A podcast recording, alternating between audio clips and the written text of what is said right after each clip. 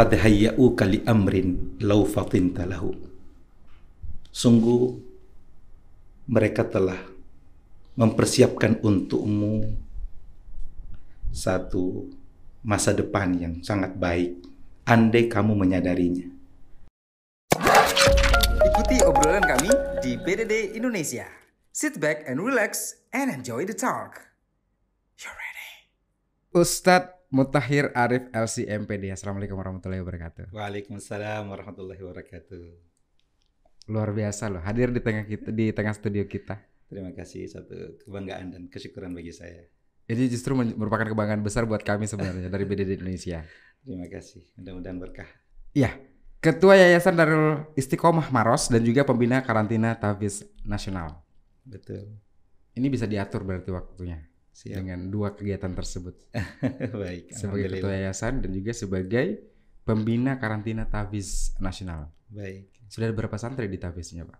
Di Tafiz Nasional ini? Kalau karantina Tafiz Al-Quran Nasional mm -hmm. ini adalah kegiatan hafal Quran intensif mm -hmm. yang programnya uh, hanya satu bulan. Target hafal 30 juz. Dalam satu bulan Dalam itu? satu bulan. Berarti perharinya satu juz? Iya. Secara umum seperti itu. Walaupun wow. dalam prakteknya biasanya hari-hari pertama itu baru beberapa lembar sampai lima lembar sampai satu juz. Tapi okay. kalau sudah juz ke 15 ke atas, kadang-kadang mm -hmm. ada yang satu setengah juz satu hari, bahkan ada yang dua juz satu hari. Sehingga wow. target untuk hafal Quran 30 juz itu bisa tercapai. Biar nanti mungkin pada saat uh, hari ke-25 sudah menguasai 30 juz, lima harinya sudah santai ya? Iya, bukan menguasai ya, artinya sudah menyetorkan hafalannya. Oh, menyetorkan 30 hafalan. juz itu tapi belum mutkin ya. Mm -hmm. Dan karena itu butuh waktu yang uh, lebih untuk mengulangi hafalan. Jadi tagline-nya hafal Quran sebulan murojaah sepanjang hayat di kandung badan. Wow. Luar biasa. Tapi paling tidak sudah ada motivasi bagi semua peserta mm -hmm. yang sudah mengikuti itu untuk merasa berkewajiban membersamai Al-Quran hmm. kapan di mana pun sampai akhir hayat. Itu berarti ada ada trik dong Pak ya Ustadz ya uh, untuk uh, semua santri harus uh, cara menghafalnya seperti apa biar cepat. Sudah gitu. pasti ada metodenya, ada okay. Al-Qurannya khusus, ada strategi dan ada waktu dan tempat yang kondusif untuk hmm. memungkinkan setiap peserta dapat menjalani program tersebut. Nah dengan demikian setiap bulan pesertanya berganti. Mm-hmm. Nah, hari ini sudah masuk ke angkatan ke-13. Ke-13. Iya. Per angkatan itu biasanya berapa? Dari 60 sampai 100 orang. 60 sampai 100 orang. Nah, sekarang sudah masuk 728 uh, peserta yang sedang mengikuti kegiatan ini dan mengikuti wisuda Hafiz 30 juz menghasilkan dan mengajak anak-anak untuk menjadi penghuni surga gitu ya. Amin. Ustadz ya. Demikian harapan kita. Yes. Dan insya Allah akan menjadi penjemput nanti di pintu surga. Ya Rob. Untuk Ustadz gitu dan keluarga. Subhanallah. Oke, okay, baik. Ini kalau berbicara masalah uh, kegiatan sebagai pembina karantina tabid uh, nasional dan juga ketua Yayasan Darul Istiqomah Maros. Iya. Sebagai ketua yayasan di tengah pandemi dan juga sebagai pembina karantina tabid nasional ada pengaruh pasti ya pak iya pasti ya. iya Bahwa, apa pengaruh signifikan yang dirasakan ya kita mengikuti aturan pemerintah uh -huh. apalagi kebijakan ini memang sesuai dengan uh, anjuran para ulama MUI dalam hal ini yang kemudian diamini oleh pemerintah untuk diikuti oleh seluruh uh -huh. anak bangsa dan kita menjadi bagian dari uh, anggota masyarakat yang mau tidak mau harus mengikuti iya. himbauan tersebut sehingga bekerja dari rumah ya uh, lockdown itu menjadi bagian dari kehidupan kita sehari-hari mm -hmm. sehingga ibadah belajar dan mengajar bahkan berdakwah itu juga dari rumah oke okay. iya kalau Ustadz pribadi Ustadz sendiri gimana sejak kapan sih Ustadz hmm. uh, aktif menghafal Quran mengaji sejak umur berapa itu? Ya, subhanallah. Hmm. Kami lahir di pesantren. Alhamdulillah. Lima tahun sejak pesantren Darul Istiqomah itu berdiri. Mhm. -huh. Sejak kecil tentu kami mendengarkan kakek, kami panggil abah nenek. Mhm, -huh. Abah nenek. Itu membacakan dan menghafalkan Al-Quran. Beliau hafiz mutqin artinya hafalannya lancar 30 juz. Hmm, hmm, Dan subhanallah itu menurun ke Abah sebagai putra pertama beliau. hmm. Juga Hafiz Mutkin. Wow. Lebih dari itu beliau keduanya menjadi inspirator besar dalam pengajaran Al-Quran dan bagaimana Al-Quran ini dibumikan dalam baik kehidupan berpesantren maupun eh, interaksi sosial. Yes. Otomatis sejak kecil kami mendengarkan orang-orang di sekitar kami itu mengaji dan jadilah kami Terngiang-ngiang. iya harus belajar mengaji, Iya. harus menghafal Al-Quran dan masuk ke pondok tahfiz Al-Quran. Walaupun itu di rumah sendiri boleh dikata. Berarti dari kecil memang sudah terbiasa dengan bacaan Al-Quran gitu. Alhamdulillah. Iya.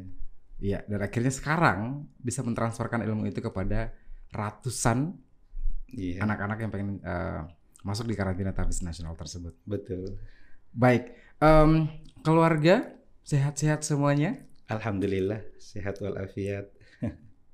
Anak pertama sekarang di Anak pertama namanya Imam Muttaqin, Mhm. usia 24 tahun, kegiatannya sekarang di baru saja di wisuda baru saja wisuda. Fakultas Syariah Lembaga Ilmu Pengetahuan Islam dan Arab. Salah Lipia. satu- Betul, iya. Karena Ustadz sendiri kan memang juga LC-nya dari Lipia Jakarta ya. Betul, iya. Wow. Dan Jadi, kemudian putra pertama akhirnya Mhm. mengikuti jejak ayahnya. ini ayahnya Ustadz sendiri yang mengarahkan ke sana atau anaknya sendiri yang meminta untuk eh, Hmm, disekolahkan atau Saya kira dua-duanya ya. Dua-duanya. Rekomendasi gitu ya. Jadi abinya walad dhali nanya amin aja. Jadi Ustadz sudah pernah merasakan bagaimana nikmatnya mengenyam pendidikan di Lipia tersebut. Akhirnya mengarahkan, eh, bukan mengarahkan mungkin, ya, Iya. lebih merekomendasikan, Betul. memberikan gambaran kepada anak dan yes, buah jatuh tidak jauh dari pohonnya. gitu ya Ustadz ya. Alhamdulillah, alhamdulillah. Iya. Kalau di tengah eh, pandemi sekarang ini, anak-anak ini Iya. biasa dibawa ke liburan gak sih, Ustadz? Eh, beberapa kali ya Mhm. ke keluarga di daerah misalnya. Ya tentu dengan eh, memperhatikan protokol COVID ya. Mhm. Atau ke tempat rekreasi yang aman ya. Yang aman. Artinya tidak dengan kerumunan banyak orang. Boleh dikata hanya kita-kita saja. Ya alhamdulillah itu bagian dari tanggung jawab untuk menjaga eh, perasaan dan ya eh, kenyamanan ya dalam keluarga, kehangatan dan keharmonisan. Iya. Kalau anak si bungsu umur berapa sekarang? Eh, ini susah untuk apa kadang-kadang harus menjawab secara spontan. Karena Ini- saya saya, ini saya dika- bela- saya saya- dikaruniai satu putra dan tujuh putri. Tujuh putri justru. Iya, jadi kalau ditanya Oke. anak keberapa, anak bungsu termasuk, ya saya juga kadang-kadang harus hitung-hitung dulu Mikir nih. dulu gitu Mikir ya. dulu, iya. Umurnya saya tidak tahu ya. Yang pasti Oke. kelas 5 SD. Kelas 5 SD. Iya, betul. Sudah mulai kelihatan hafalan Al-Qur'annya juga? Ya, sudah mulai menghafal. Wow. Sudah. Saya mengarahkan semua putra dan putri untuk menghafal Al-Qur'an. Ini berarti penjemput Ustadz nanti di pintu surga itu banyak sekali gitu ya Ustadz ya. Akbar. Mudah-mudahan insya Allah, menjadi sangkaan baik dan doa Iya. yang termulia. Iya.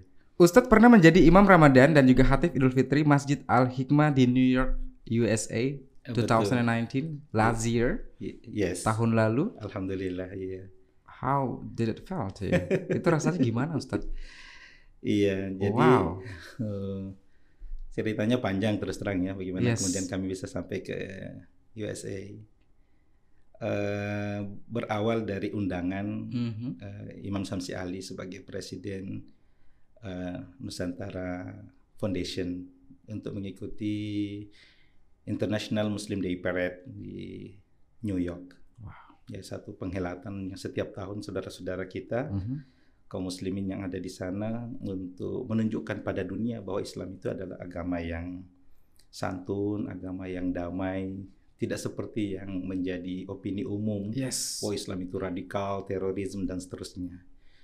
Dan saya betul terkesima dengan kegiatan itu karena dihadiri hampir 10.000 orang Mhm. dari pagi sampai sore jalan protokol itu ditutup dan dijaga oleh para uh, polisi. Mhm.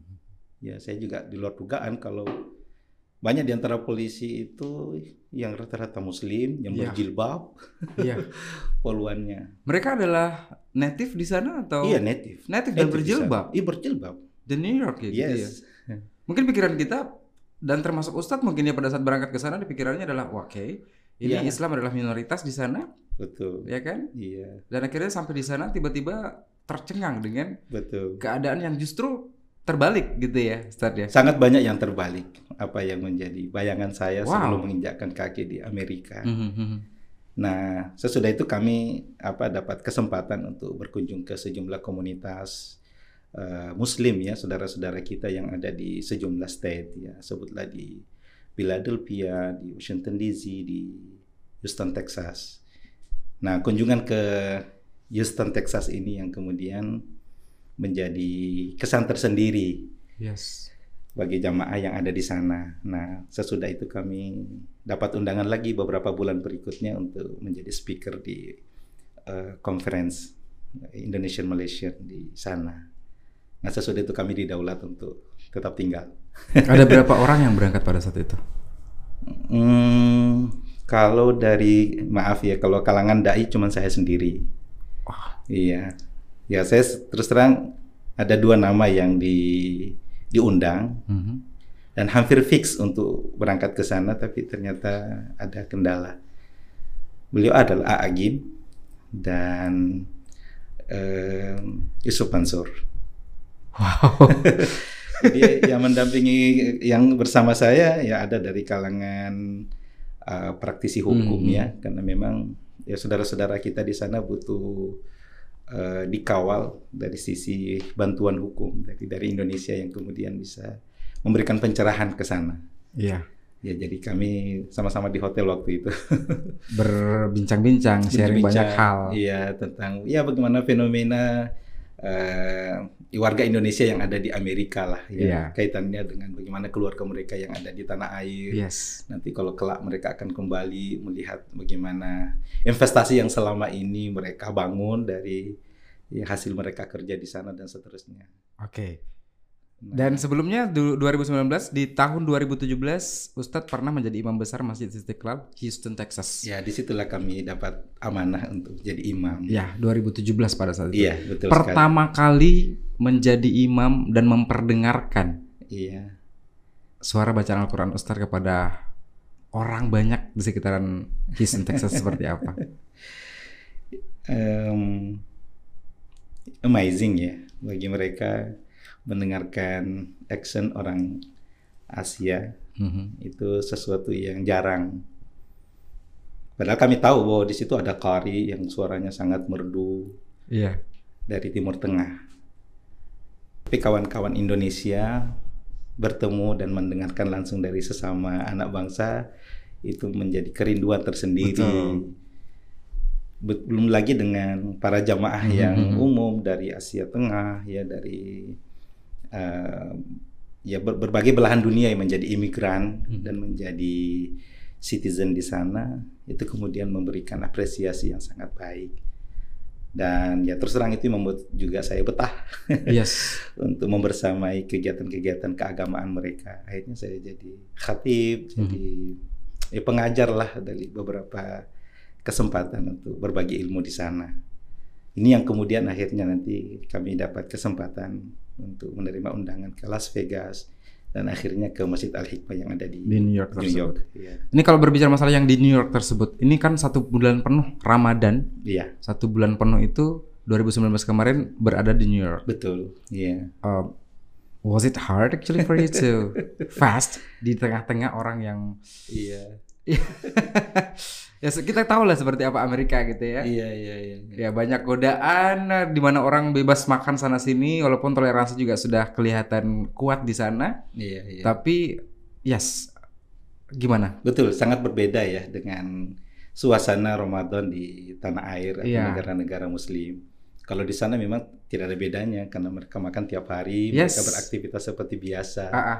Tapi khusus untuk di Masjid Al Hikmah di New York tersebut, ya warga kita sedemikian siap ya untuk menyambut eh, keberkahan Ramadan. Jadi kepanitiaan sudah dibentuk, Mhm. kelompok-kelompok remaja dan anak-anak yang akan mengikuti eh, Ramadan program itu juga sudah sedemikian apik sehingga kami datang ya kira-kira sepekan sebelum satu Ramadan kami tinggal menyesuaikan ya, kira-kira jadwal mana yang harus kami isi otomatis sholat lima waktu Mhm. tarawih setiap malam Mhm. kemudian ada training lah buat anak-anak kita ya untuk mendapatkan bimbingan Islam ya pelajaran Al-Qur'an dan penghafalan Al-Qur'an ya lebih seru lagi dengan keikutsertaan para jamaah baik Indonesia maupun non Indonesian yang menyisihkan hartanya untuk berbagai kegiatan sosial yang dilakukan oleh Masjid Al Hikmah dan buka puasa. Tapi pada saat eh, bulan Ramadan tahun lalu di New York itu itu Iya. pertama kali Ramadan di Amerika atau sudah pernah sebelumnya? Oh, kami berramadan sudah tiga kali ya. Tiga Ramadan kami berturut-turut di Amerika. berturut-turut di iya. Amerika. Jadi sudah terbiasa dengan eh, waktu puasa yang begitu panjang Oh. dibanding Indonesia gitu ya Ustaz ya. Betul sekali. Kami puasa itu sampai 18 jam. 18 jam. Sementara Iya. Indonesia tuh biasanya cuma 14 12, 12. ya. Iya. Sekitar itu saja 12 13 jam. Kita imsak jam 3 pagi ya. Iya. Dan mm, waktu maghrib itu jam 9 atau Jam jam, 9. 9.20. Jadi setengah Iya. 10 baru mau sholat maghrib. Baru mau sholat maghrib dan baru buka puasa pada Betul, saat betul. itu. Tapi biasa, alhamdulillah kita sudah menyesuaikan diri dengan kondisi waktu seperti itu. Oke. Dan harus jalan ke mana misalnya gitu, kemudian melihat orang yang dengan bebasnya makan, kemudian melihat em, mohon maaf mungkin Iya. native yang Iya. terbiasa dengan pakaian terbuka seperti itu ya. Itu Iya. merupakan sebuah tantangan juga buat em, Iya, muslim yang ada di sana, iya, orang-orang Indonesia yang berada di sana Iya, iya. eh, ketika berpuasa dan harus menyaksikan itu semua. Iya, iya. Betul sekali ya. Jadi kalau dari sisi eh, budaya makan itu Mhm. saya kira di mana-mana ya. Tapi kalau untuk tadi pemandangan orang buka aurat ya tidak seperti apa yang dibayangkan oleh ya banyak eh, saudara-saudara kita di sini Pada yang mungkin umumnya. melihat di film-film atau di pemberitaan. Kalau di sana terus terang kok lebih banyak yang yang rapi-rapi ya atau wanita-wanita yang tidak juga menutup aurat karena memang bukan muslim secara sempurna yang menutup jilbab tapi mereka sopan-sopan mereka ya biasanya orang yang bilang ya yaitu apa yang pakai bikini ya kalau di pantai. Yes, Ya, di tempatnya, di gitu tempatnya. Tapi kalau mereka di apa ya di, kendaraan umum ya di tempat-tempat keramaian. Apalagi kalau bukan puncak musim panas semua pada tertutup. Iya, berarti dan kalau yang paling aman itu kalau musim salju semua tidak ada Iya. yang kelihatan tidak ada yang kelihatan karena musim salju gitu, tertutupin gitu ya. tutupin semua ya Iya, intinya adalah kalau misalnya Anda puasa dan tidak mau melihat yang bikini-bikini jangan ke pantai. iya Di masjid aja biar lebih aman gitu di kan. masjid Iya. silaturahim ke rumah-rumah Yes. ya, teman-teman Iya. warga Indonesia yang ada di sana ya. Baik. Iya. Dan eh, pada saat Ustadz pasti pernah dong ya, pas, pas eh, pada saat lagi di podium ataupun di mimbar Iya. di masjid pada saat itu khutbah, eh, tiba-tiba ada apa namanya? Ada masyarakat native yang ada di sana juga ikut. ada Banyak banyak malah. banyak ya mungkin lebih banyak dari jemaah Indonesia yang ada di sana Ada yang sempat curhat-curhat ke Ustadz gitu mungkin? banyak yang native? yang native ya Tanyakan apa biasanya Ustadz? ya tentang kondisi keislaman dia Mhm. kondisi keluarga ada yang memang ya keluarganya semuanya Mhm. eh, apa bule ya ada Mhm. juga yang beristrikan orang Indonesia Beristrikan orang Indonesia. Iya. jadi beliau Sudah banyak tahu lebih Mhm. banyak gitu bagaimana Ah, ah, ah. budaya yang seharusnya ya beliau itu menyesuaikan gitu reading Quran, kemudian uh, sholat lima waktu itu menjadi landasan buat mereka gitu Ustadz ya. betul betul ya ada yang kemudian tertarik untuk ikut ngaji secara langsung saya mau ngajar apa belajar ngaji tapi langsung sama ustadz gitu loh oke Gitu, Oke. iya Ada Akhirnya yang duduk bersama, ngaji duduk bersama. berdua dia hafal surah demi surah kita punya program hafal juz amma gitu dan salah satunya atau dari beberapa peserta Mhm. hafiz Quran juz 30 itu itu kemudian eh, dan dari mereka Mereka tidak punya difficulty gitu menghafal ataupun membaca Quran? ya pasti ada lah ya. ya tapi karena semangatnya luar biasa kadang-kadang kita malu ya ini orang istilahnya baru dapat hidayah dapat cahaya kok paling duluan datang Yes. ke masjid. Kita yang eh, lahirnya sudah Islam, justru banyak yang bolong-bolong, termasuk saya pribadi mungkin. ya, tapi pada saat di sana itu Ustaz ini eh, they totally um, Iya. converted to Islam. Oke. Kan bisa dikatakan seperti itu yang Mm-mm.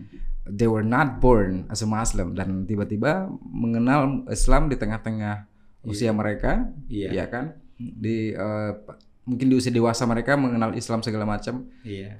Itu ada nggak yang pernah sampai benar-benar nangis di depan Ustadz curhat mengenai Islam tersebut? Iya, pasti. Jadi fenomena eh, native untuk mengucapkan dua kalimat syahadat itu bukan sesuatu yang secara spontan ya. Tapi ada banyak rentan waktu yang ya, mereka lalui Mhm. untuk mempelajari, mengkaji, mempertanyakan dari berbagai sumber sampai kemudian menyatakan diri untuk mengucapkan dua kalimat syahadat. Iya sejumlah masjid Islamic Center yang ada di Amerika ya sejak peristiwa 9/11 itu kemudian terbuka untuk siapa saja yang mau melihat Islam secara langsung. Oke. Jadi masjid-masjid itu menyiapkan sejumlah kursi 50 sampai 100 kursi di saf paling belakang. Dan saya lihat dengan mata kepala sendiri bagaimana mereka itu datang sebelum azan. Wow. Mereka duduk, ada yang pakai maaf rok mini, mereka dengan pakaiannya masing-masing.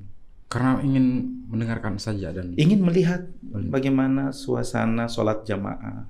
Mereka baru mendengar azan saja itu mereka sudah terenyuh, ada yang sudah berkaca-kaca mengikuti satu demi satu jamaah yang akan sholat. Ya, qomat dan kemudian pelaksanaan Mhm. sholat tersebut sampai salam, nangis mereka. Lalu sesudah itu baru mereka bertanya, agama apa ini yang sedemikian indah, apik, rapi, kompak, damai. Saya aja baru melihat aja sudah merasa Sudah. tenang ya. Bagaimana kalian yang sudah bertahun-tahun seperti ini? Mhm. Itu yang menjadi pendorong untuk mencari tahu dan lebih dalam tentang agama ini. Dari sana kemudian banyak yang kemudian menyatakan diri untuk mengucapkan dua kalimat syahadat. Karena melihat orang sholat, Iya, melihat kebersamaan orang Muslim tersebut, betul. akhirnya mereka tergugah dan Iya. ingin juga ingin merasakan gimana sih rasanya saya berada di barisan itu gitu Betul, ya? betul sekali. Iya. Wah. Sampai sholat Jumat pun begitu. Ya, mohon maaf, ada yang tidak ke tempat ibadah mereka pada pada Hanya untuk menyaksikan seperti apa Iya, gitu, tapi justru datang ke masjid-masjid pada hari Jumat, dan menyaksikan melihat langsung. melihat langsung dan mendengarkan khutbah dan mereka memberikan pernyataan bahwa kami mendapatkan siraman rohani yang luar biasa. Iya. Jadi setiap Jumat yang dengar khutbah bukan hanya kalangan Muslim saja, tapi Toleransi yang begitu besar ternyata ya. oh sangat, sangat. Berarti sangat berbeda dengan video-video yang biasa kami nonton, termasuk saya pribadi Ustadz. Iya, Saya pernah menonton video cuplikan video yang ada di YouTube. iya. Entah itu hoax ataupun sekedar dibuat scripted atau saya kurang tahu. Hmm. Di mana menggambarkan orang native yang ada di sana menyerang orang yang berhijab besar. Hmm, iya, iya. Apakah pernah ada terjadi seperti itu di sekitaran Ustadz selama di Amerika? Kalau untuk saya saksikan langsung tidak pernah. Tapi mendengarkan mungkin pernah. Mendengarkan pernah. Iya, itu juga mungkin dari beberapa kiriman video. Mhm. Tapi kalau kita mau melihat secara objektif ya, isu satu dari sekian ribu kebaikan-kebaikan aplikasi toleransi yang ada di Amerika. Mhm. Saya alhamdulillah dapat fasilitas untuk eh, membersamai kegiatan di Islamic Center. Mhm. Saya dari rumah itu bisa sampai 20 menit. Yes. Iya. Eh, dengan fasilitas kendaraan yang diberikan. Saya satu kali 24 jam tidak pernah merasa was-was. Saya mau datang ke masjid jam 3 pagi. Itu tidak ada rasa takut sedikit pun gitu. Kayak ada di kampung sendiri. Oke. Bahkan saya pernah dikontak oleh salah seorang syekh yang ada di Arab Saudi. Gimana keadaan di sana? Saya bilang, ini lebih aman dari tempat di situ. Lu kok justru lebih aman di iya, itu gitu karena ya? perasaan karena tidak ada satu indikasi yang membuat kita itu bertanya-tanya, curiga, Ha-ha. karena sedemikian apa ya em, hormat orangnya kepada kita. Mhm. Iya, tidak ada orang yang melanggar aturan lalu lintas. Mhm. Semua orang saling apa mendahulukan, saling menghargai gitu. Disiplin. Apalagi Yes. iya, tidak. Saya Disiplin. tidak pernah lihat ada orang yang ditilang di jalan, tidak pernah ada orang yang Iya. melanggar. Balik ke Indonesia tiba-tiba melihat itu semua aneh sendiri gitu ya. ini negara apa ini? Saya di Iya, mana ini? Iya. Ya, ya itulah em, hal positif yang bisa kita petik dari Iya. eh, orang-orang yang ada di sana, Ustadz ya. Betul. Di Amerika betul. bahwa kedisiplinan mereka itu yang sangat-sangat ketat sekali. sangat ketat. sangat- Disiplin waktu, kemudian disiplin mengikuti peraturan yang ada, termasuk peraturan peraturan lalu lintas. Betul. Nah, termasuk waktu sholat juga harus kita sesuaikan betul dengan Yes. apa ya eh, kesepakatan antar jamaah kan mereka terikat dengan jam kerja sehingga ya kita tidak mau tidak mau tidak mau harus me- mengakomodir itu. Hmm. Oh, kita sholatnya jam berapa jam berapa dan mereka datang tepat waktu. Kalau kita selisih satu menit dua menit kita dianggap tidak disiplin gitu. Yes. Kalau jam komatnya jam 5 lewat 5 menit harusnya 5 menit sudah komat dan mereka sudah harus memperhitungkan waktu karena sebentar lagi berangkat. pernah terjadi mungkin Pernah? tiba-tiba mungkin agak sedikit bergeser waktunya Iya. waktu komat dan tiba-tiba ada yang mohon maaf Ustadz saya ada janji lagi yang lain I have an appointment with somebody else there." Yes, yes. pernah terjadi seperti itu Iya. Satu waktu saya ada di salah satu masjid. Imamnya terlambat datang. Ah, oke Mungkin sekitar 3-4 menit saja. Jamaah itu memutuskan untuk sholat jamaah sendiri. Baru keluar. Karena Imam? tidak, tidak bisa menunggu imamnya, tidak bisa menunggu imam masjidnya imam masjid yang ya, saya yakin tidak terlalu jauh dari masjid ya. itu. Hmm, hmm, hmm. Cuman karena orang itu sudah terbiasa dengan on time, akhirnya dia putuskan untuk sholat lalu berangkat.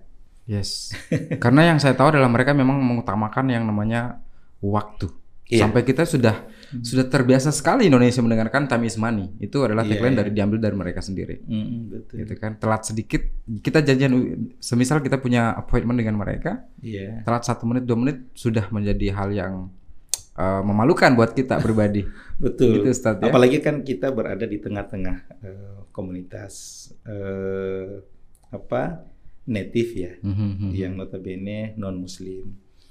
Jadi segala hal kita harus perhatikan tentang eh, kegiatan kita seberapa apa silent atau tidak mengusik ketenangan mereka. Jadi kalaupun kita kumpul ada kegiatan apa, kita nggak mungkin pakai mikrofon keluar sehingga mereka yang sedang beristirahat barangkali ya kemudian Tidak harus, merasa harus ter- terganggu gitu terganggu. Jadi itu betul-betul kita jaga.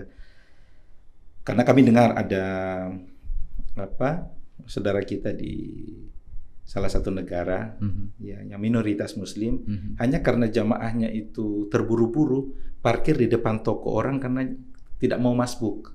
Oke. Begitu yang punya mobil ada di di dalam sedang sholat yang punya toko keberatan. Ini saya mau keluar kok kenapa? Ada mobil yang menghalangi. Mhm.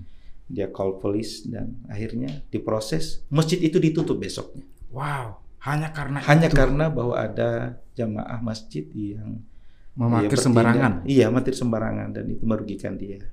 Ya sedemikian apa ya yes betapa kita harus berhati-hati dan mengambil itu jadi jadi pelajaran dan di setiap kali kita memutuskan sesuatu kita koordinasikan dengan tetangga-tetangga Mhm, sekitar mhm, mhm. supaya memberikan kesan bahwa kita ini betul-betul toleran sangat Iya. menghargai.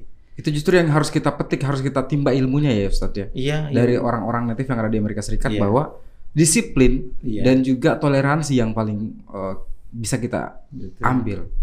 Walaupun Indonesia sebenarnya saya melihat di Indonesia sudah eh, sangat toleran juga masyarakat kita. Iya, iya. Ya, cuman untuk disiplin waktunya yang mungkin yang akan yang, yang akan kita eh, perketat mungkin di Indonesia gitu Ustaz ya. Ya, ada satu hal yang menarik ya.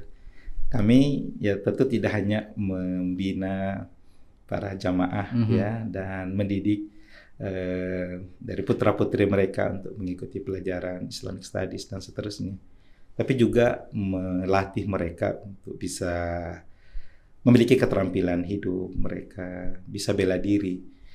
Nah, yang melatih bela diri mereka itu pendeta Wow. yang punya gereja besar. Akhirnya kami akrab, kami Yes. bersahabat dengannya. Ah, ah. Ya, dan it's oke-oke aja. Mereka Ya. sangat senang. Welcome. Hmm. Pendeta itu sangat serius melatih anak-anak kita untuk karate. Ya dan mendapatkan apa ya kesan positif bahwa Mhm, dengan mhm. persahabatan ini kita bisa lebih apa lebih kuat ya bisa membangun Ya. optimisme yang lebih positif ke depan gitu Yes. Indahnya perbedaan. iya Gitu Ustadz ya. betul betul iya. Iya, tapi pada saat eh, berada di Amerika, Iya. kemudian baliklah ke tanah air Indonesia itu tahun 2019 juga, iya setelah Ramadan kemarin. sebenarnya bulan depan saya akan balik lagi Bulan depan akan balik lagi ke Amerika. iya Eh, di kota mana boleh tahu? di New York dan Connecticut Wow. iya Ini bolak-balik terus Ustadz ya. Meninggalkan yayasan dan juga Iya. karantina ataupun KTN gimana?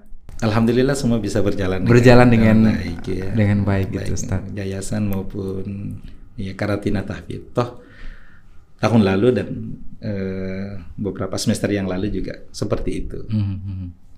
walaupun eh, ini kami sejalankan dengan eh, rencana penelitian karena kami mengambil eh, program doktor Mhm. yang disertasi kami itu berjudul eh, pengembangan mutu pendidikan eh, sekolah Islam di Amerika Sekolah Islam di Amerika. dan dua sampel yang kami ambil adalah Iman Academy yang ada di kota Houston Texas Mhm. dan sekolah Al Ihsan Islamic School di kota New York. Saya terus terang Ustadz, dari kecil saya punya cita cita-cita ingin ber- berada dan berangkat ke Amerika Serikat. Oh, mudah-mudahan USA. itu satu saat bisa. Tapi di depan saya sudah ada Ustadz yang bisa menggambarkan kondisi yang ada di sana, Iya, iya. sehingga rasa ketakutan itu sudah tidak ada lagi di saya. Kalau ada Iya. satu negara di luar Asia Iya. yang Ustadz belum pernah eh, datangin dan Iya. negara apa yang ingin Ustadz datangin sebagai khatib dan juga sebagai imam masjid di luar Asia. di luar Asia, Iya. Orang Eropa kah Iya. atau Saya dari dulu punya cita-cita mau ke London ya. London? Iya. Belum pernah sampai sekarang. Belum pernah. Walaupun sudah pernah mempersiapkan diri dan sudah dapat visa Oke. untuk ke sana, tapi satu lain hal Why was it cancelled? tidak kebetulan ada ada tugas dari sekolah yang kemudian Mhm. bertabrakan dengan kegiatan lain sehingga Oke. itu ter- Harus tertunda sementara iya.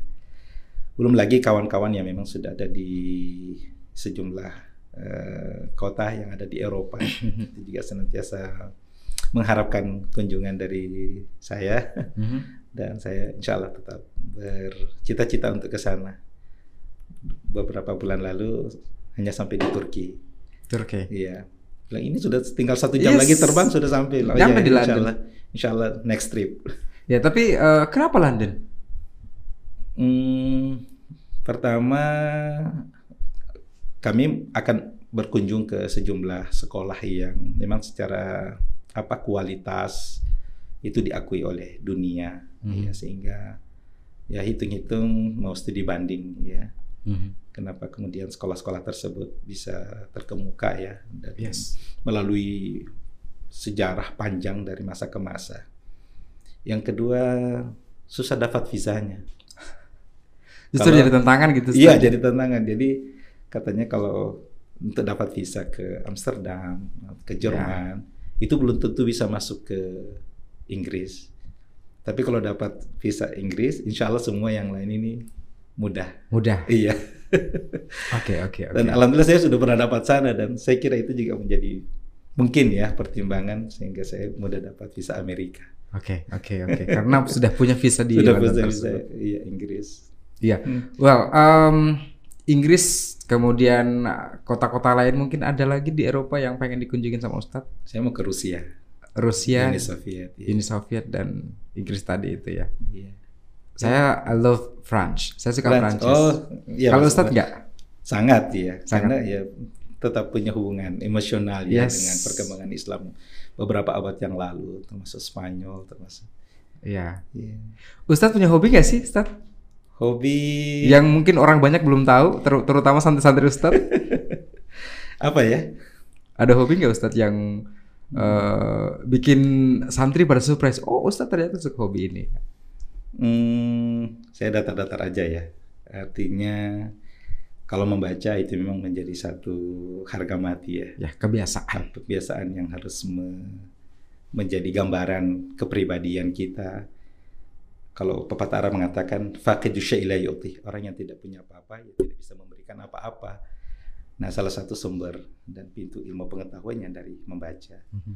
Jadi bagaimana membiasakan diri bawa buku ke mana saja dan membaca di setiap waktu itu kemudian tidak menjadi alasan bahwa kita tidak terlalu sibuk maka tidak bisa Ya. membaca. Yang kedua, saya punya ya apa ya dasar ya untuk olahraga apa saja saya Olahraga apa saja? iya saya saya bisa Ustadz katanya hobi bermain futsal, betul. iya apalagi meh di lapangan lebar Un- juga bisa juga Until today, Ya, yes pernah mencoba untuk American football? Eh, pernah pernah Really? iya ya di sana kan orang iya yes, itu iya, yang di- paling ini ya. seperti sana Mhm. bahkan saya main golf di Amerika Main, wow, iya that's too expensive for sure. Karena bermain golf di Indonesia sudah mahal, apalagi bermain golf di Amerika gitu, Ustadz Iya. ya. Beli Saya- stick sendiri atau pinjam stick? Saya dapat hadiah satu Oh, dapat hadiah justru? iya, satu paket mulai dari kepala Wow. semua perlengkapan sampai sampai sekarang masih ada gitu. Itu kenangan yang luar biasa loh, Ustadz. Betul sekali. Bahkan saya langsung diperhadapkan dengan turnamen. Jadi langsung pertandingan gitu. American football, Eh, golf, golf, golf. Yes. Iya. Langsung masuk di turnamen. Langsung masuk. Tapi konsekuensinya apa? Saya sampai jam 11 malam harus latihan. Padahal turnamennya jam 6 pagi sudah harus ada di lapangan. Di lapangan. Iya, tapi di situlah saya selalu mengembalikan kepada Allah bahwa ini Oke. dalam rangka dakwah semua, bukan hanya mem- membuang waktu. Mhm. Did Iya. you win? Ya, Wow, really? saya saya bisa sholat duha di tengah lapangan golf. Oke. itu dilihat oleh saudara-saudara kita, Muslim dan non Muslim. Ya. Ya, entah kenapa ya saya dapat kemudahan untuk eh, bisa menjalankan itu dengan baik. Yes. Pukulan-pukulan saya itu membuat orang ter apa ya? Melihat ini senior ini kayaknya. Betul. Ini kayaknya Betul. ini kayaknya dilatih sama Tiger Woods langsung ini. saya juga bertanya-tanya kok bisa begini. Iya. Mereka Itulah mendengarkan bunyi-bunyi pukulan saya itu enggak ini udah profesional ini. Yes, terhentak Iya. seperti profesional memukul bola. Sampai saya satu saat itu hmm, pukul bola itu itu di depan saya danau dan sesudah Mhm. danau itu ada bukit gitu. Mhm. Orang semua yakin sama satu tim dengan saya pasti bolanya pesat pasti jatuh di di Di, danau. di itu. danau. Tapi kenyataannya bola saya itu menggelinding padahal ke bawah ya. Mhm. justru ke bawah menggelinding di, di sepanjang danau itu dan naik ke atas di, di- Wow. mendekati holes terakhir itu membuat orang semua kaget-kaget. Iya. Saya bilang ya. Ada yang tanya mungkin pada saat itu triknya apa sih Ustaz? Sholat duha di tengah lapangan golf. Wallahu a'lam ya. Iya, Jelas, itulah. saya memang me- menyiapkan diri gitu Mhm. untuk selalu bisa memberi manfaat pada orang. Kalau orang gembira dengan ini kenapa kita tidak lakukan? Iya.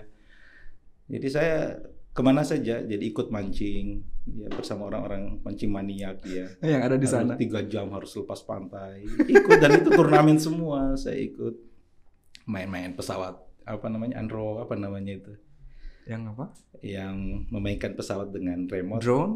Ya bukan pesawat beneran Oh, pesawat pesawat beneran. pesawat Oh iya iya iya iya. iya I've heard- that. yes. Ya, tapi eh, pada saat di sana eh, saya lebih tertarik membahas tentang American football dong. Ini berarti masuk di lapangan tiba-tiba dikasih helm.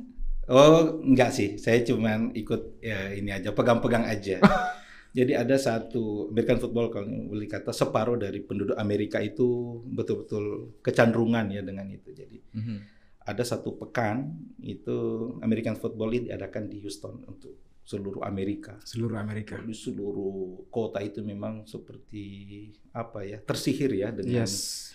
keadaan yang harus berubah. Mobil nggak bisa masuk ke kota, jadi pemerintah harus siapkan jarak 20 kilo Mhm. untuk bus station. Jadi mobil-mobil mereka diparkir, kemudian kita diangkat secara free untuk masuk ke lapangan, ke ke tengah kota itu.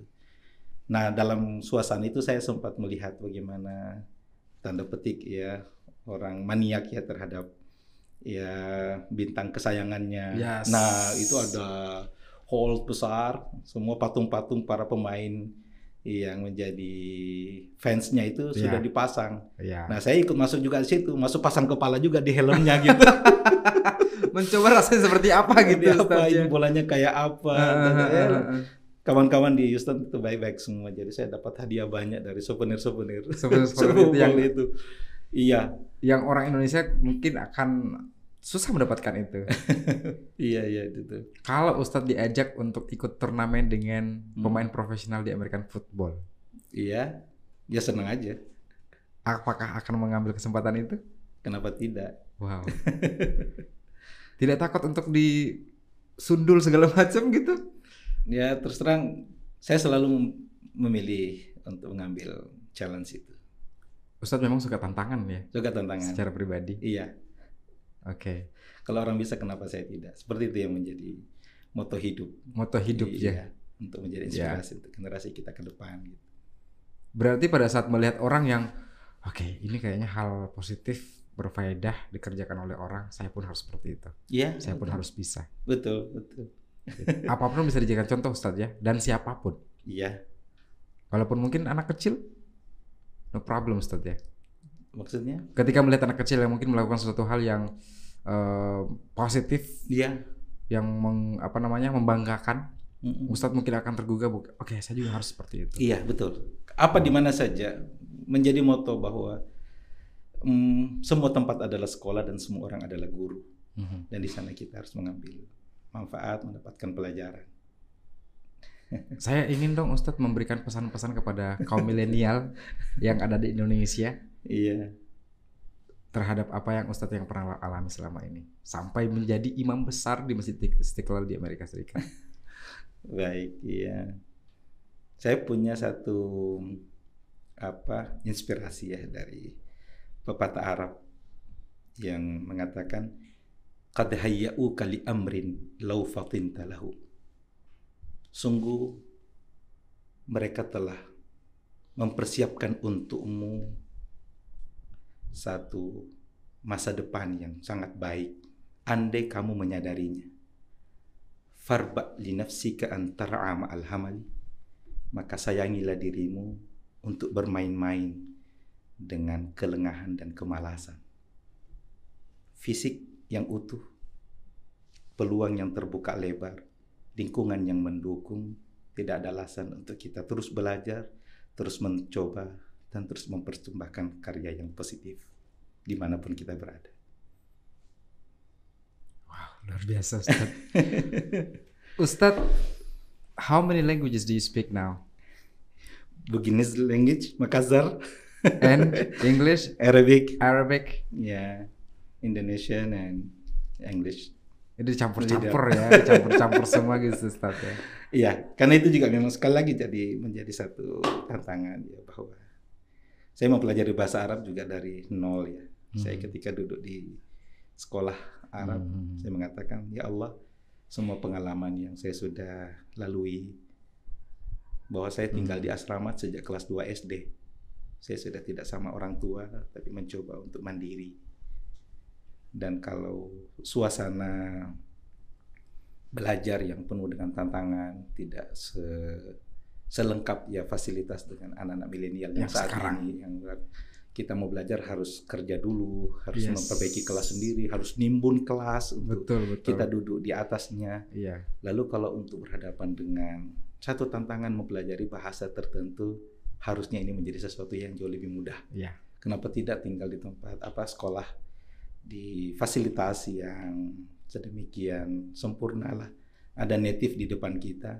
Kenapa tidak ini menjadi sebuah Betul. dorongan yang dahsyat untuk kita meraih apa yang kita cita-citakan. Jadi dari situ saya belajar bahasa Arab dalam satu semester di luar dugaan saya bisa ranking dua.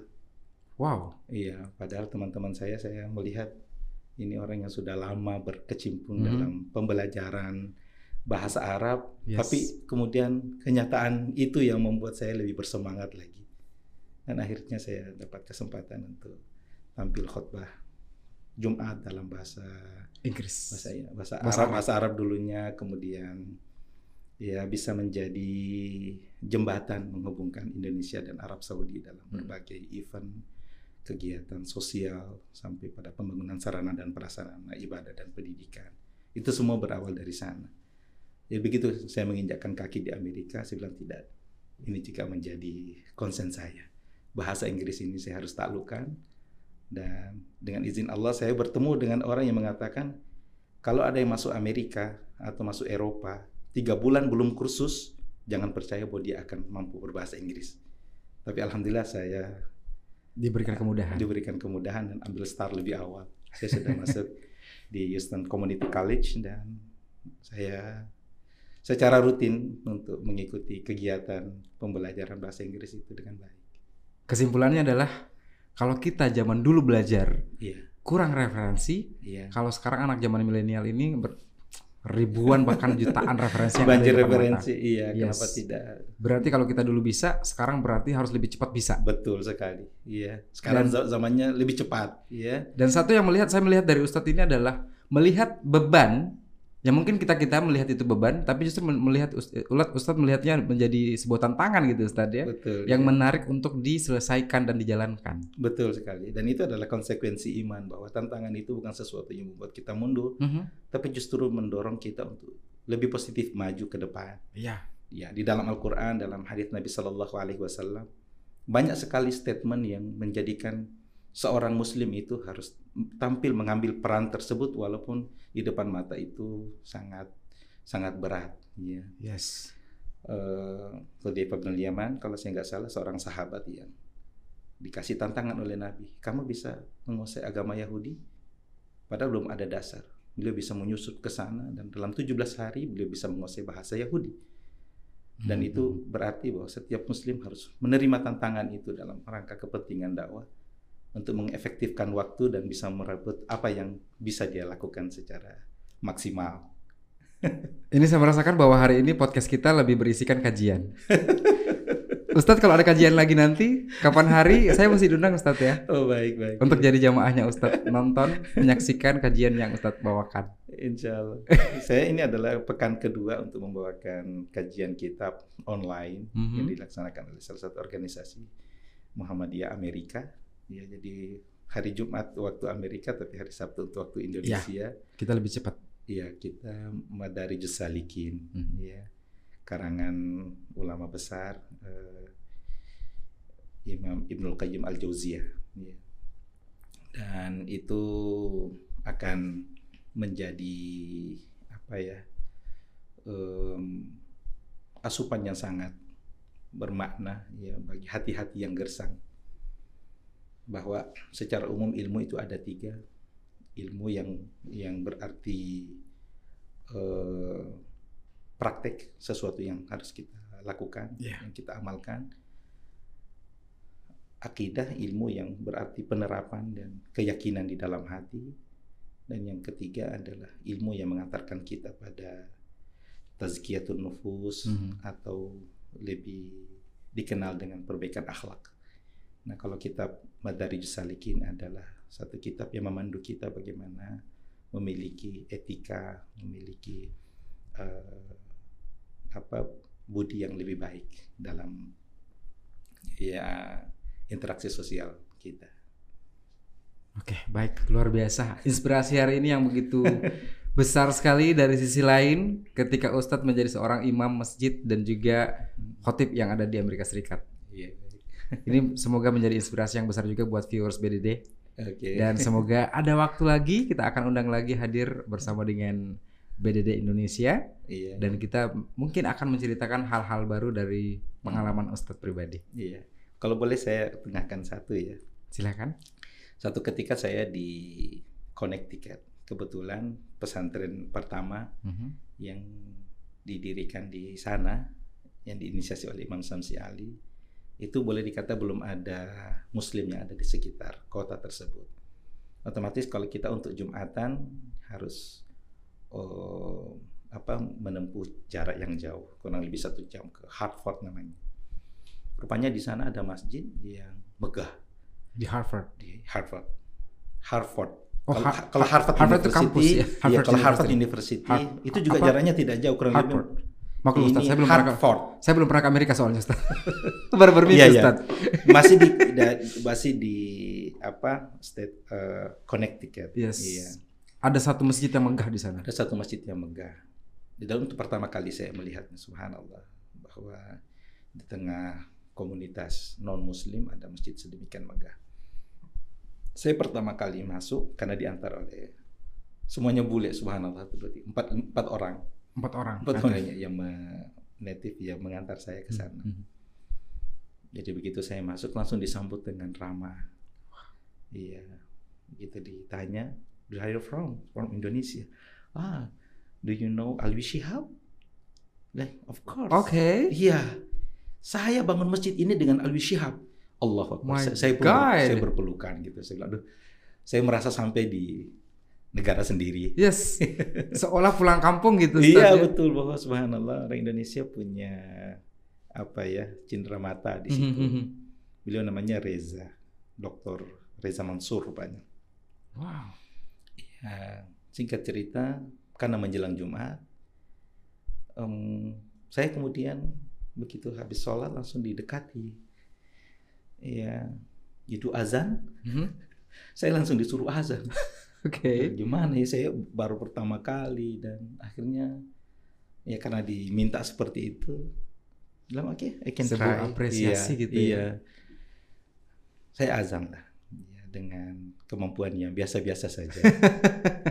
Tapi apa yang terjadi begitu saya mengakhiri azan, semua orang pada berlompatan memeluk saya Wow. dari dari belakang itu peluk saya, amazing. Kamu dari mana? Yes. Iya, ya cukup mengharukan waktu itu subhanallah. Akhirnya saya diminta untuk tinggal sesudah itu dan dia bertanya lebih jauh. Entah kenapa saya maghrib dipanggil lagi. Mhm. Pas itu pada jaraknya jauh. Dan akhirnya saya dipersilahkan untuk azan. Ayo, Azan gimana? jadi imam, jadi imam. Jadi malah. imam. Jadi pada saat sholat pertama itu cuma azan saja, Azan, azan azan. saja karena sudah, Yes. sudah ada khatib, sudah ada Oke. ini dan seterusnya. Kemudian Saya- maghribnya. Saya maghrib saya, saya pimpin sholat lah. Mhm. Yang saya ingin kemukakan adalah bagaimana apresiasi dan rasa senang dari yang mengantar saya itu. Kebetulan hanya satu keluarga yang Muslim di Connecticut yang saya tahu. Ya, namanya Mr. Matt ya, yang ya juga turut membantu kita me- merintis pembangunan pesantren he is a Mereka native. Nusantara Mandatang, native asli di situ. Istrinya dari eh, apa dari keturunan Irlandia. Nah, begitu habis sholat, semua jamaah yang ada di lantai dua kemudian bertanya, ini suara baru, siapa Mhm, dari mhm. mana gitu. Who is this guy? Iya, Doing azan that beautiful. gitu mungkin ya Ustaz ya. iya, ini istrinya Mr. Matt itu dengan bangganya. He comes with me. Dia datang Oke. bersama saya, saya yang bawa orang ini ke sini Oke, gitu. oke. Oh, dia, Oh, yes. Akhirnya dia lihat siapa Iya. kan dia dari atas dia lihat begitu. Hey, look at me. I bring this guy with me. gitu ya. Yes, yes. Dengan senangnya, bangganya Oh, gitu. luar biasa senangnya. Ini saya akhirnya ditawari gitu. Kalau bisa Mhm. beradab tinggal di sini aja. Berada tinggal di Di situ, sini. diminta untuk tinggal di Iya, situ bahkan menjadi imam di situ. dan menjadi imam masjid di situ. Iya. Masya Allah. Saya bilang I'm sorry. Saya sudah ada ada kontrak ya. Oke. Sedang menjalankan tugas di Connecticut. Iya. Bilang insya Allah. Tapi one day pada saat nanti ada waktu yang kosong lumayan panjang diajak ke sana gimana Ustaz? Oh iya bisa saja. Iya. Dan sangat memungkinkan untuk itu. Tapi masih keep in touch dengan mereka Ustaz ya. Iya, masih ada alhamdulillah. Wow. Menyebarkan agama Islam yang begitu melebar Iya, iya. di Amerika Serikat itu Betul. merupakan sebuah kebanggaan yang bisa dikatakan bahwa it's a one million chance. Oh iya, yang menemani saya untuk sholat Jumat itu hanya satu yang muslim. Selebihnya non muslim. Ya? Non muslim. Tapi ikut sholat Jumat, ikut dengar khutbah. Ikut dengan khutbah, ikut Iya. sholat Jumat. Ikut sholat Jumat, non muslim. Oke. Iya, dan ini surprise banget bagi mereka gitu loh. Luar biasa ya suasana seperti ini. Ya, saya belum ikuti apakah beliau sudah syahadat atau belum. Oke. Yang pasti waktu itu beliau sangat apa serius dan sangat terenyuh dengan suasana. Dan akhirnya Ustaz bisa merasakan Iya. captivated, merasakan sangat-sangat Yes. yes bangga dengan itu. Alhamdulillah, ya. alhamdulillah. Dan kalau saya dengar-dengar memang dengan suasana seperti itu yang membuat banyak orang Amerika dengan rasionalnya yang sedemikian positif, Mhm. ya kemudian menerima Islam ini sebagai apa ya way of life. Bahwa Mhm. Ini adalah jalan yang bukan hanya menemukan kebenaran, tetapi memang sangat sejalan dengan eh, apa ketenangan batin yang Yes. mereka rasakan. Berbicara masalah keluarga, anak-anak di rumah, Iya. Ustadz nikah cepat atau ketemu jodoh itu cepat atau gimana Ustadz? Kalau menurut orang itu terlalu cepat karena saya menikah di usia 18 tahun. 18 tahun. Iya. Mhm. Tapi saya tidak merasa heran karena memang orang tuanya orang tua punya kaidah seperti itu. Mhm. Anaknya kalau lepas SMA sudah harus menikah sebelum kuliah. Oke. Biar kuliahnya nanti bisa lebih relatif aman lah Yes. dalam interaksi sosial. Namun dengan izin Allah Subhanahu wa taala ya itu semua kami jalani dengan baik. Oke. Saya menikah dan saya sama-sama kuliah dengan istri. Iya. 17 kemu- tahun kemudian saya Dikaruniai anak. dikaruniai anak yang ketika umur 17 tahun saya sudah nikahkan juga. Jadi tidak terlalu jauh antar interval waktu usia saya dengan anak pertama. Mhm. Berarti Iya. anaknya pada saat umur 17 tahun sudah dinikahkan juga. Iya, 17 tahun. Persyaratannya untuk nikah cepat itu seperti apa? Yang penting sudah hafal Quran. Itu yang paling penting ya. Iya, jadi anak saya sudah hafal Quran 30, 30 juz. juz. Saya sudah merasa tenang dan meyakini bahwa ini sudah pantas untuk Mhm. menerima Untuk- amanah, menerima tanggung jawab sebagai kepala rumah tangga. dan memimpin rumah tangga sendiri. Iya, dan itu diikuti oleh semua adik-adiknya. Iya. Adik-adik yang lain pun Alhamdulillah lima dari anak saya eh, begitu sudah hafal Quran saya tidak ragu-ragu untuk menikahkan atau menerima lamaran. Iya, Yes. karena saya yakin dengan izin Allah Subhanahu wa taala bermodalkan Al-Qur'an yang mereka Mhm. hafal, Allah Subhanahu wa taala akan memberikan bimbingan pada mereka Dari 17 putrinya pun juga akan mengikuti uh, dari penghafalan Quran tersebut 30 juz. Iya, alhamdulillah. Yes. Semua anak-anak kami memang di saya arahkan untuk Untuk- me- menjadikan hafal Quran itu sebagai basic dalam hidup. Iya, Wow. Luar biasa Ustadz. seperti itu. Oke. Ada satu hal yang bagi saya eh, menjadi satu ya apa ya rahasia kalau dibilang Mhm. keterarahan. Mhm. Saya sejak kecil terbiasa minta izin pada orang tua untuk kegiatan apa saja. Kegiatan apa saja? Iya, apa yang saya mau lakukan saya izin.